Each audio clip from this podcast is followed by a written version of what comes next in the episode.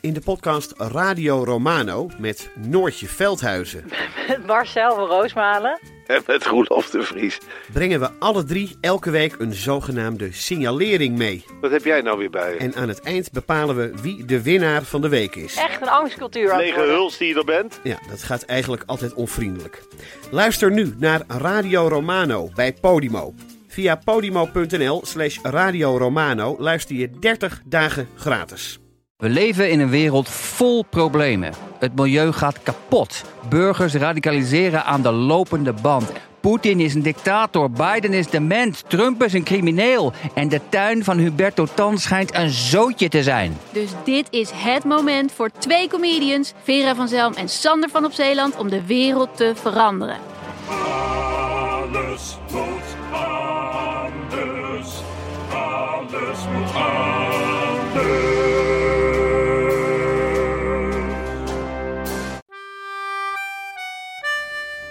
Dit is Man met de microfoon. En zoals jullie vanaf nu weten, ja, ehm, deze week is er een man met de microfoon. En volgende week, eh, je abonneert je dus daarop, is er de allereerste aflevering van de podcast Een Grote Bruine Envelop. Want ik heb dus 250 enveloppen verspreid met behulp van jullie in Nederland. Er zijn enveloppen teruggestuurd met spullen erin. En ik ben op pad gegaan met een van die enveloppen. En eh, de, ja, de eerste eh, verslaglegging van de avonturen volgende week in de podcast Een Grote Bruine Envelop. Abonneer je erop. Want dat rijmt. En eh, ik begin nu in De Man met de Microfoon om de week met de serie Mini Romcom. Nou ja, volgens mij moet je gewoon gaan luisteren. Je luistert naar Mini Romcom. Waar gebeurde verhalen over hoe ze elkaar ontmoet hebben. Aflevering 1 Single Issue.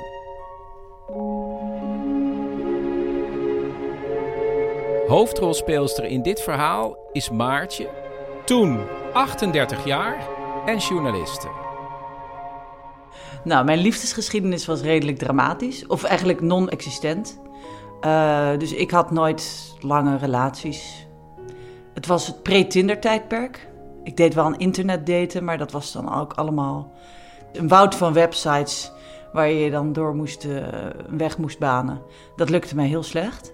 Ik wist niet wat ik wilde of waar ik op moest selecteren. Ik dacht gewoon altijd van, nou ja, het kan iedereen zijn. En omdat Maartje haar keuzemogelijkheden zo open mogelijk liet, had ze afspraken met uiteenlopende types. Een ontzettend aardige, zullige huisarts. Een Koeweidsman met een eigen bedrijf. Man eh, uit Bad Hoeverdorp met twee kinderen die heel lang op Aruba een, eh, een, een, een restaurant had ge... IT-specialisten waar ik echt totaal niet ik, ik, ik, ja, ik ben er gewoon echt ook niet goed in. In het hele geflirt en zo. Het hele... Ja, ik... ik Nee, ik heb er daar gewoon geen talent voor. Ik dacht gewoon al vrij snel. En mensen vonden mij dan afstandelijk, mannen. Ik geloof dat ze me afstandelijk vonden, ja.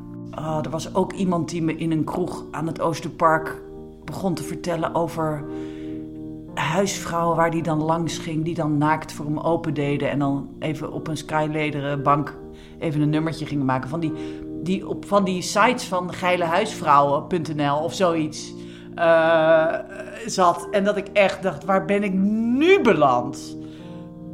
Maar wel in het stadium dat ik al dacht van ik heb nu zoveel, uh, ik ga nu gewoon zoveel drinken dat ja, ik, ik, ik, ik, liet de controle over het gesprek los. Weet je wel? Dus ik, ik, dat was dan na vier wijn. Ko straalde ik kennelijk uit dat ik open stond voor dit soort informatie. Oeh. Ik ging natuurlijk ook heel vaak in journalistenmodus. Dus op een gegeven moment stijg ik uit boven zo'n date en denk ik, nou, uh, als dit geen match is, dan is het misschien toch nog wel een goed verhaal. Of dan kom ik, kom ik iets te weten. Of vind ik, vind ik het interessant wat iemand doet. Uh, dus ik denk dat mensen zich vaak een beetje ondervraagd voelden. Nadat ook twee dates die geregeld zijn via een relatiebemiddelingsbureau op niets uitlopen, neemt ze een rigoureus besluit. Ik ga het gewoon, ik geef het op. Ze denkt niet alleen, ik ga niet meer krampachtig op zoek naar een partner. Ze besluit het single zijn te omarmen. sterker nog, ik ga mij eens uh, oriënteren op dat, uh, op dat vrijgezellenbestaan. En waarom moet eigenlijk die norm van een relatie, waarom bestaat die eigenlijk? En uh, waarom is de wereld ingedeeld op stellen? ik ben nu al jaren vrijgezel. dat is gewoon mijn way of life. En de, de wereld past zich maar aan mij aan. Nadat ze het besluit genomen heeft, denkt ze: Ik ben ook journalist. En het is misschien een heel goed idee om hierover te schrijven. En dat gaat ze doen. Ze maakt er een project van. En om het single zijn onder de aandacht te brengen, komt ze met een idee. Ik ga uh, een politieke partij uitroepen. En die noem ik dan de Single Issue Partij. Afkorting SIP. En uh, ik uh, roep mijzelf uit tot lijsttrekker. En ik ga de belangen van alleenstaanden in Nederland behartigen. En ik ging mij inschrijven bij het Begijnhof.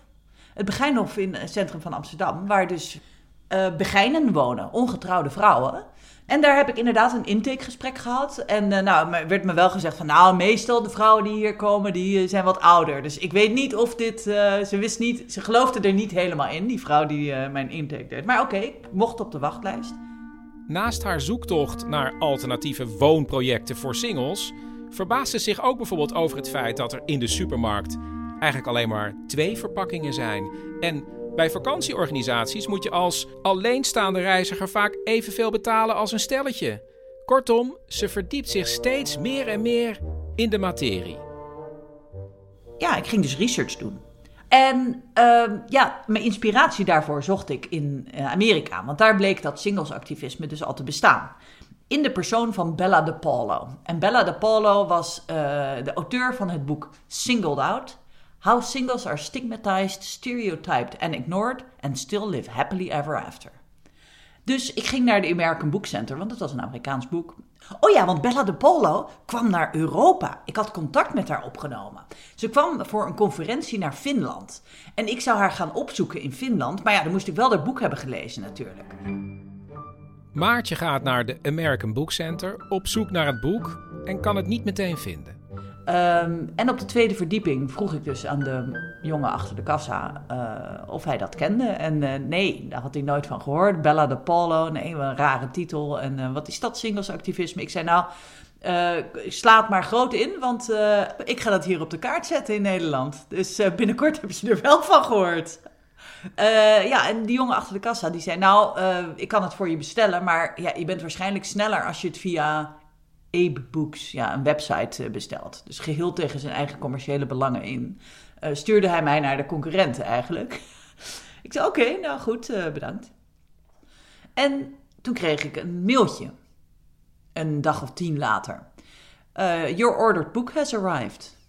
Van de American Book Center.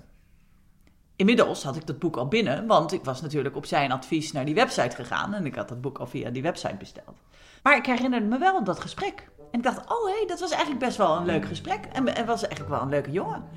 Goh, laat ik de stoute schoenen aantrekken. En dus stuurt Maartje een mailtje. Hoi, op jouw aanbeveling, jongen van de bovenste verdieping, heb ik het boek inmiddels via Ape Books in huis. Dus het mag de schappen in. Overigens vergat ik toen te vragen of je zelf toevallig single bent. Er stonden ook een hoop ongeduldige mensen in de rij. Zo ja, ga je dan een keertje met me uit? Dag, Maartje. Die jongen van de bovenste verdieping, dat was Reinoud. Toen 39 jaar en zijn relationele status op dat moment? Hij vertelt er nu over op de bovenste verdieping, waar hij nog steeds werkt. Eh, de, de, uh, ik kwam net uit een, uh, een, een soort desastreuze relatie met een Duitse dame. Dus ik kwam net uit Duitsland, geloof ik. Of ik was nog niet zo heel lang uit Duitsland terug. Dat was helemaal misgelopen. Dat is, de, de wielen waren eraf gevlogen. En hoe zat het dan met de liefde? Daar geloofde ik helemaal niet meer in natuurlijk. Hou het toch op. Nee, dat was een zinloos tijdsbesteding. Ja, ik kon beter een boek gaan lezen. En toen stond opeens aan zijn toonbank Maartje die op zoek was naar het boek. Why Singles Are Stigmatized and Ignored. en uh, van Bella de Paulo. Het, het, kwam er nogal krankzinnig over. Ik bedoel, ik kon ook niet verstaan. Ik heb wie, wat, de Paulo? Ik heb het drie keer moeten spellen. En toen vloekte het uit van, wat is dat in godsnaam? En toen begon Maartje, kende het. Nee, met die grote vlammende ogen. Nee, maar dat, ken je dat niet? Dat zuiver worden gediscrimineerd. Die begon een heel verhaal. Dus dat, dat kwam zo over me heen. Terwijl ik natuurlijk, cynisch als boekverkoper, over haar schouder ook alweer de volgende zag. Die ja, een beetje ongeduldig met zijn voetje op de grond stond te stampen. Die wilde heel graag door. Dus toen heb ik dat moeten afbreken op een of andere manier. Maar ik vond het wel een hele aantrekkelijke naam natuurlijk. En dus stuurt hij naar aanleiding van haar mailtje een mailtje terug. Dag Maartje. Sorry voor het late antwoord, maar ik ontving je mail pas vandaag. De jongen van de bovenste verdieping. Het was blijkbaar een hele puzzel. Maar we zijn eruit. Het stikt hier namelijk van de singles. Ik antwoord op je vragen. Ja, ik ben single en ja hoor, ik ga graag een keer met je uit. Mijn mailadres heb je nu, mijn telefoonnummer. Oh, en ik heet Reinoud. Absurd, maar dat was ik bijna vergeten. Misschien ergens volgende week. Groet, Reinoud.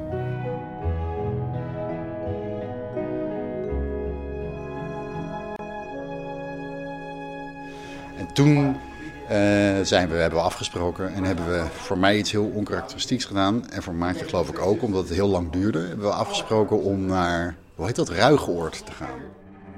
Ruigoord is een hippiedorpje boven Amsterdam. En daar was het feest omdat het al 40 jaar gekraakt was. En ze gingen er samen heen fietsen. En wat dacht Maartje toen ze Reinoud voor het eerst zag? Nou, uh, ik vond hem wel leuk. Ik vond hem ook een beetje uh, nerdy. Hij had iets nerdies met zijn brilletje en hij had een beetje zo'n volwassen polo shirt. Ja, het was niet een heel goed geklede man. maar uh, ik voelde me wel dus meteen heel erg op mijn gemak bij hem. En we hadden echt een heel leuk gesprek op de fiets daar naartoe. En uh, ja, ik vertelde over mijn uh, singlesonderzoek. en hij vertelde over de scheiding van zijn ouders. En ja, het was al best snel vrij persoonlijk. En ja, ik weet dat we toen aankwamen in Ruigoord, wat sowieso al gewoon een hele fijne plek is.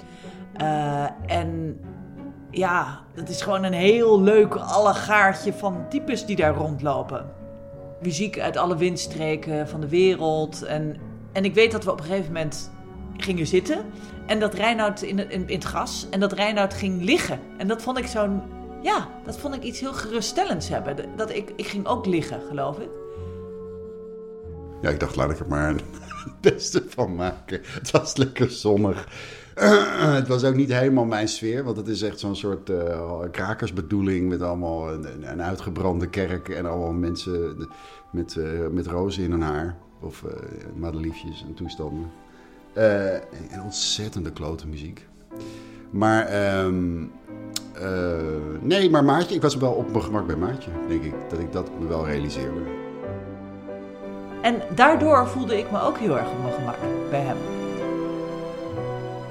ja, ik, ik, ik, ik, ik dacht eigenlijk gewoon meteen van dit, dit is hem eigenlijk.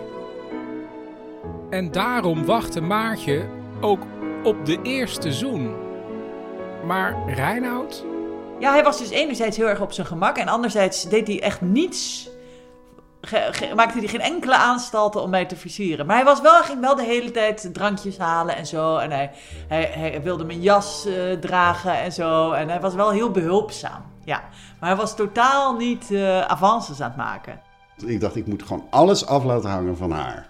Op een gegeven moment dacht ik, nou, uh, dit is toch wel zonneklaar. gaat het nog gebeuren? Of, Dus toen heb ik hem gezoend. Of volgens mij gevraagd zelfs. Zullen we even zoenen? Zoiets. Ja hoor, oké. Dat was voor die kerk en stonden we daar dansend op de muziek te zoenen.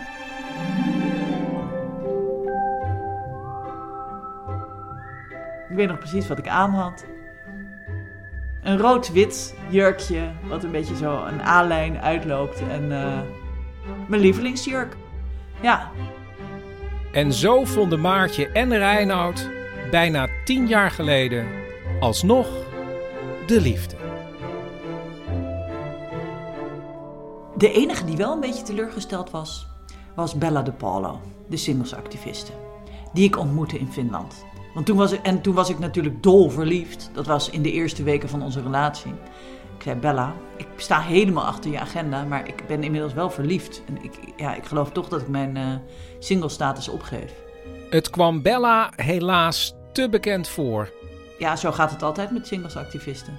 Die zijn dan een tijdje, zijn ze, maken, zich, maken ze zich sterk voor de goede zaak. En dan uh, haken ze af. En wat is er tot slot eigenlijk gebeurd met Bella's boek dat Reinoud besteld had? Uh, nou ja, ik weet niet of je het boek gezien hebt, maar het is niet bepaald aantrekkelijk op vorm gegeven. Het is heel academisch, nee.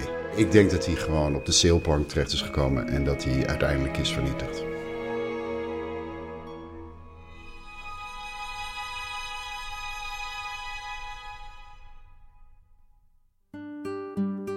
Dit verhaal van Maartje en Reinoud speelde zich negen jaar geleden af. En volgend jaar is dat tien. En dan gaan ze trouwen. Dit was de allereerste mini-romcom. Ja, en hier wil, volgens mij, ik wil er meer van horen en jullie volgens mij ook. Dus ik ben op zoek naar dit soort verhalen en daar heb ik jullie hulp bij nodig. Uh, ja, misschien heb je zelf je geliefde ooit op een hele speciale manier ontmoet. En Misschien heb je ook wel vrienden. Waar, oh, dat is zo'n goed verhaal. Mail dat dan gewoon even alvast aan mij. En dan leg je dat ook in de week bij die vrienden. Want zo werkt het dan. Kunnen ze er een beetje aan wennen. En dan zorg ik dat ik dat mooie verhaal met ze opneem. En heel mooi monteer. En dan kunnen wij er met z'n allen van genieten. Nou, de muziek is bijna op. Ik zou zeggen, volgende week luister je naar een grote bruine envelop. En over twee weken is er weer een mini-romcom. Tot dan!